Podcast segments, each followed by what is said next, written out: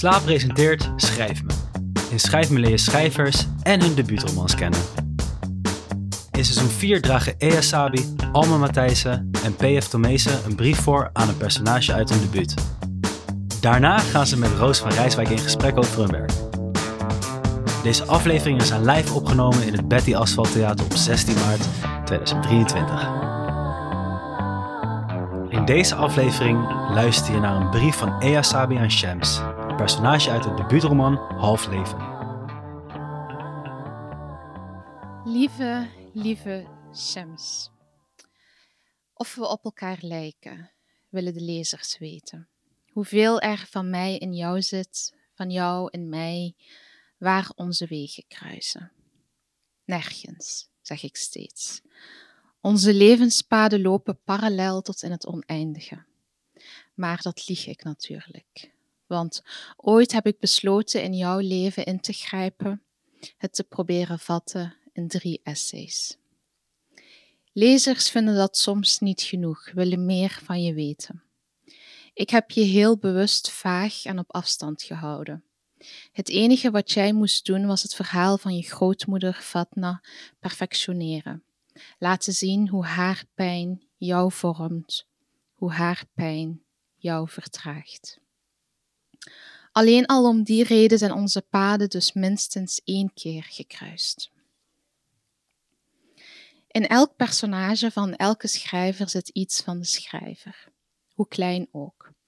Al is het maar omdat jij het personage verzonnen hebt. Maar dat geef ik niet graag toe. Dus vaker ontwijk ik de vraag lachend. Ik zeg, nogal bitter is zij, hè? Een, een beetje kwaad ook. Zo ben ik helemaal niet.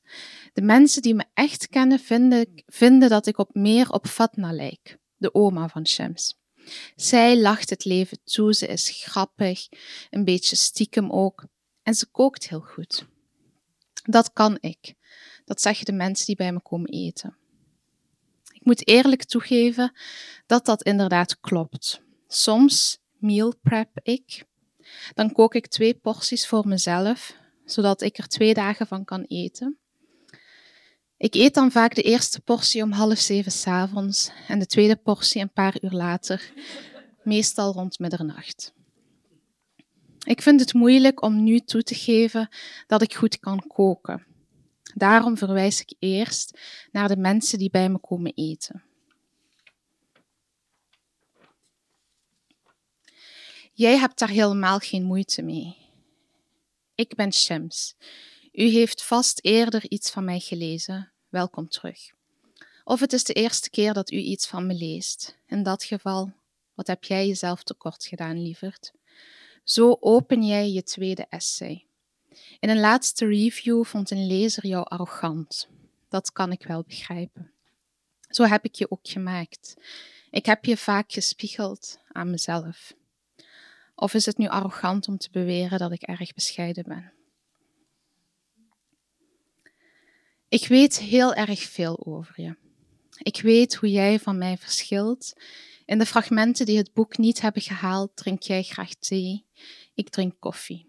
In een van de eerste versies at je nog graag sushi, maar dat heb ik veranderd in een latere versie, want ik eet ook heel graag sushi. Al zegt dat natuurlijk niets over een mens. De meerderheid van de mensen eet graag sushi en met de rest van de mensen is er duidelijk iets mis. Het is echter niet vreemd dat schrijvers zich van hun personages en van de gebeurtenissen distancieren, om de nieuwsgierigheid van lezers en journalisten wat in toom te houden. Voor je het weet projecteert iedereen de hele inhoud van je boek op je eigen leven. En laten we eerlijk zijn, dat is niet waar fictie voor dient. Ik had me dus min of meer voorbereid. Het eerste live interview dat ik gaf over half leven heb ik natuurlijk niet herbeluisterd, want ik word daar erg ongemakkelijk van. Jij zou iemand zijn die dat wel deed. En daar kan ik alleen maar bewondering voor hebben. Ik weet dus ook niet meer zo goed wat ik wel en wat ik niet heb gezegd, maar één moment zal me ongetwijfeld bijblijven. De presentatrice verraste me met de vraag: Waar zit jouw pijn? Ik weet niet meer wat ik als antwoord gestameld heb. Ik weet wel dat ik die vraag niet zag aankomen. Laatst was ik wel voorbereid. Ik reageerde, dat bespreek ik liever met mijn therapeuten, op zo'n gedurfde vraag. Het publiek moest lachen. Ik hoefde de vraag niet te beantwoorden. Ik wilde deze brief schrijven om mijn excuses aan te bieden, omdat ik me zo van je distancieer alsof je een extremistische aanslag bent. Nu bedenk ik me dat jij evengoed niet op mij zou willen lijken, omdat ik misschien, ik zeg maar wat, vaker dan nodig mijn excuses aanbied.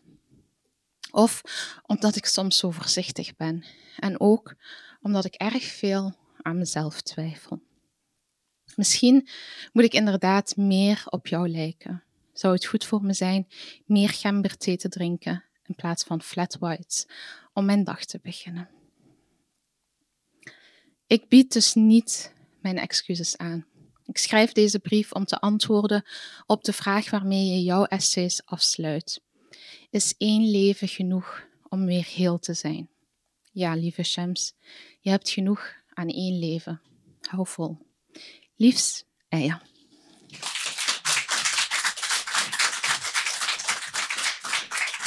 Dankjewel, zo mooi. Nu hebben we geleerd wie Shams is. Mhm. Ze wordt door anderen arrogant gevonden. Door, door een bepaalde lezer. Ja.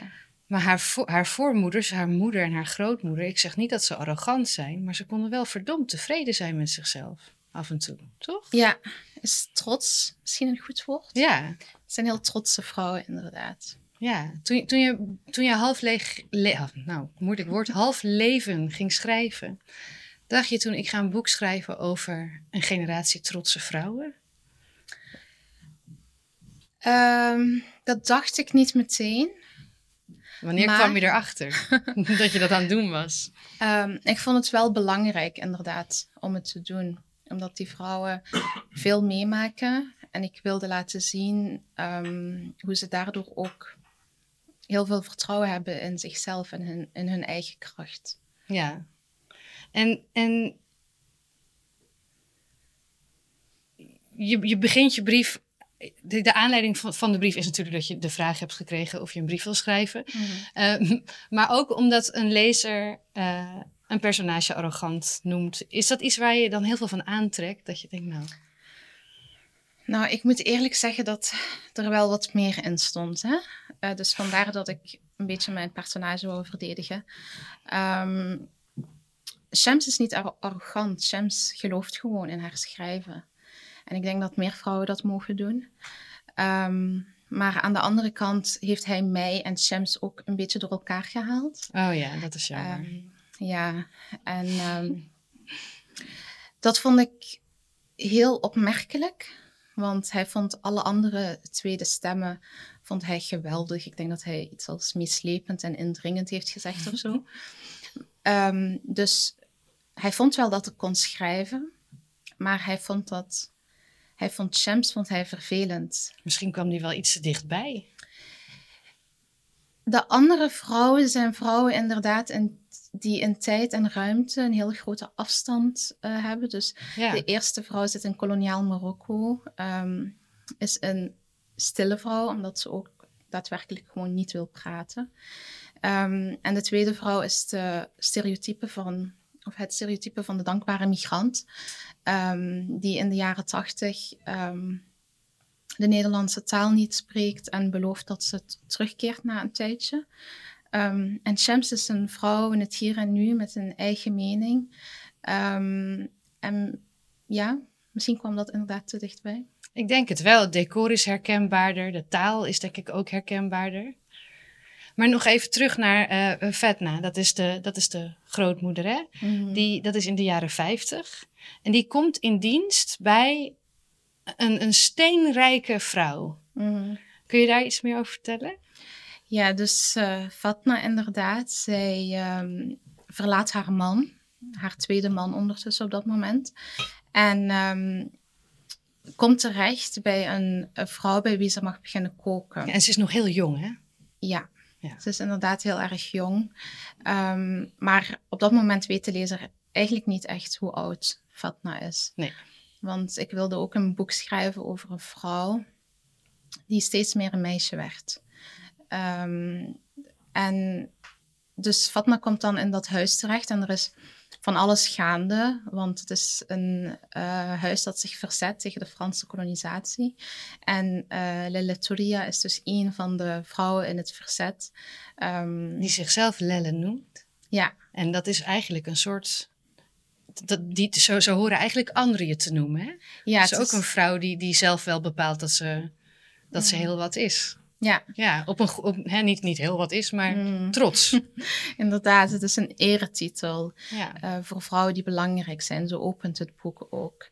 Um, en um, dus zij komt daar terecht en voor ze het weet um, is ze deel van de geschiedenis als ongeletterde vrouw die eigenlijk vooral zo min mogelijk wil opvallen.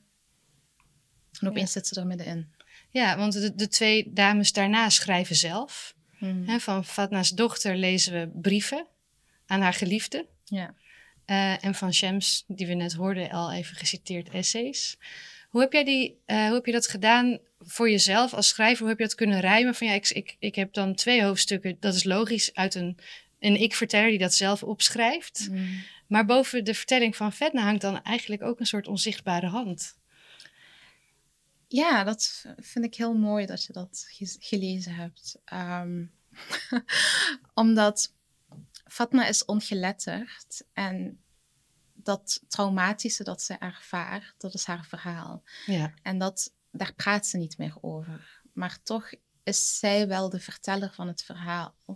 En is het eigenlijk een heel klassiek verteld verhaal. Um, over een vrouw die weigert te praten over wat haar is overkomen. Ja. Uh, en die andere twee vrouwen die praten wel en die schrijven ook, maar hoeveel geven ze over zichzelf bloot? En dat is wat ik zeg met het feit dat ik hen echt op afstand wilde houden, is om eigenlijk te laten zien van, het is niet omdat je de taal hebt, um, dat je ook echt dingen zegt. Op, op, met, met op afstand houden bedoel je iets minder grijpbaar maken voor de lezer? Ja. Het is ook, um, het, de titel is ook half leven. En het enige wat die twee andere vrouwen moesten doen, um, ja, dat zag ik ook in de brief. Zij moesten laten zien hoe het verhaal van Fatna doorzinkt in de volgende generaties. Het ging echt alleen maar om Fatna. Ja, Fatna is een soort bitterzoete draad door het mm. leven van die vrouwen. En Shams die schrijft ook essays over en, hè, wat we nu een intergenerationeel trauma noemen. Ja. Uh, wat natuurlijk ook heel moderne taal is voor iets wat al eeuwen bestaat. Mm. Heb je wel eens overwogen om nog verder terug de tijd in te gaan? Hoeveel verder? Ben, nou, ben nog meer generaties. ja, vanaf de holbewoners. Eh, ja. Bij de erfzonde beginnen. Bij de erfzonde, ja. Zo'n goed idee. Maar heb je, nou ja, dat is ook een hele flauwe vraag, want dat heb je duidelijk niet gedaan. Dus als je het hebt overwogen, dan is het niet in een boek terechtgekomen. Laat, laat ik het anders zeggen. Heb je, ben je niet totaal overrompeld geweest door de enorme hoeveelheid onderzoek die je hebt moeten doen? Uh, aan de ene kant wel. Ja. En aan de andere kant heb ik um, dat ook een beetje aan de kant gelaten. Omdat um, het gaat ook niet om de feiten. Uh, en om wat er echt is gebeurd. Want ja, we lezen geen encyclopedie of zo. Ja. Nee.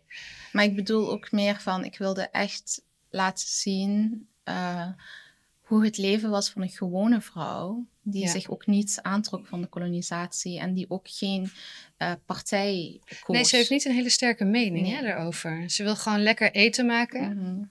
Ze heeft een mening over mensen die zich niet goed wassen. Ja. Ze vindt iedereen een viespeuk. Mm -hmm. ja. ja, en dat is ook een beetje uh, dat trauma dat daartussen zit, waardoor ze uh, ook een beetje smetvrees of een beetje veel smetvrees um, ontwikkelt.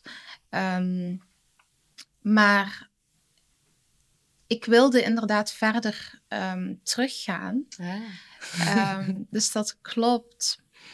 Maar aan de andere kant vond ik ook in de research zoveel materiaal dat ik dacht van, maar hier kan ik zoveel mee, dit is genoeg. Ja. Um, onder andere die vrouwen die, die dan in het Marokkaanse verzet zaten en die super belangrijk waren. Uh, ik wilde. Ja, daar krijgen we een soort glimp van, hè? Maar oh, mm. ja, heel spannend. Ja, omdat ik ook wilde schrijven over um, over Marokkaanse vrouwen zoals ik ze ken. Ehm, en ik wilde niet dat mensen konden zeggen van ja, maar dat is een soort van Miss Marvel of een, of een onbestaande heldin of iemand die je hebt gecreëerd in je hoofd. Ik wilde me echt vasthouden aan vrouwen die echt hebben bestaan. Ja, ja ik, ik ken de vrouw die jij kent natuurlijk niet, maar ik vind ze zeker inderdaad vet. Nou, die leeft ontzettend. Die spalt van de pagina's af. En nu schrijf je Shams toe en uh, je geeft antwoord op een vraag van haar. Hè, ja. en, en dat, dat leven, dat is genoeg. Leeft, leeft een personage leeft ze nog in jouw hoofd? Ik bedoel, niet, niet als in is ze overleden, maar le leeft dat door? Loop je nog lang met die personages rond als je hebt geschreven? Ik denk dat de personages nu tot leven komen. Uh, omdat andere mensen er een mening over hebben. Oh, nu ze, ja, nu ze er zijn, leven ze. Ja. ja. Um, en ook, ik zou het maar heel erg vinden en triest als dat personage vast, vast blijft zitten in wat ik over haar geschreven heb. Want Shams is een academicus, zij rationaliseert heel erg veel. En ik wilde juist laten zien dat door terug te gaan naar die lijfelijkheid en um, dat, dat emotionele en die expressie die er ook in dat koken zit van die grootmoeder, um, misschien is dat misschien kan dat veel bevrijdender werken dan wat Shams probeert te doen. Uh, zij probeert de feiten op een rijtje te krijgen, maar het probleem is dat ze niet weet wat er is gebeurd en waar haar pijn vandaan komt. Um, en ik zou het heel erg vinden voor Shams moest ze daarin blijven hangen. Ja, dus, dus, dus, dus ze hebben nu levend en wel een soort uh, familieplek ingenomen, lijkt wel voor jou. Ja. als, als, als verre familieleden. Ja uh, vrouwen die ik bewonder en koester. Ja, heel mooi. En ja, heel erg bedankt. Dank Ook voor de prachtige brief en de mooie voordracht weer. Uh, Ea Sabi dus, de roman Half Leven. Uh, vorig jaar uitgekomen, nog ontzettend te krijgen in boekhandels. Het is toevallig Boekenweek. uh, het is gewoon een tip. Dankjewel, Ea.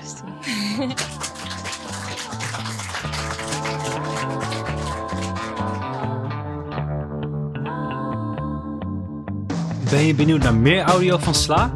Volg ons via Slaakast.